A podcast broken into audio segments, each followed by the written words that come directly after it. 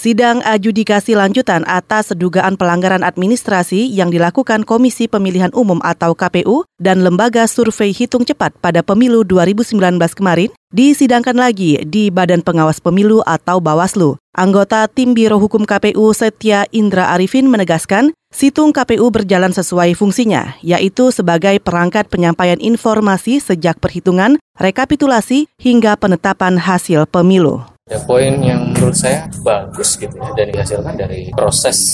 situng itu sendiri nah, saya melihat saksi begitu antusias misalkan terus partisipasi juga ini meningkat gitu kemudian dari tadi saja setidaknya banyak masyarakat yang percaya betul terhadap situng dan bahkan untuk membandingkan dengan lembaga survei tidak lain menggunakan situng itu tadi Setia Indra Arifin dari Biro Hukum KPU sementara itu empat saksi fakta dari Badan Pemenangan Nasional atau BPN Prabowo Sandiaga juga dihadirkan dalam sidang untuk memperkuat laporannya di antara keterangan yang mereka sampaikan, yaitu dugaan kecurangan rekapitulasi suara hasil pemilu oleh sejumlah lembaga survei cepat. Hari ini sidang adjudikasi akan digelar lagi dengan agenda mendengarkan keterangan saksi ahli dan pelapor.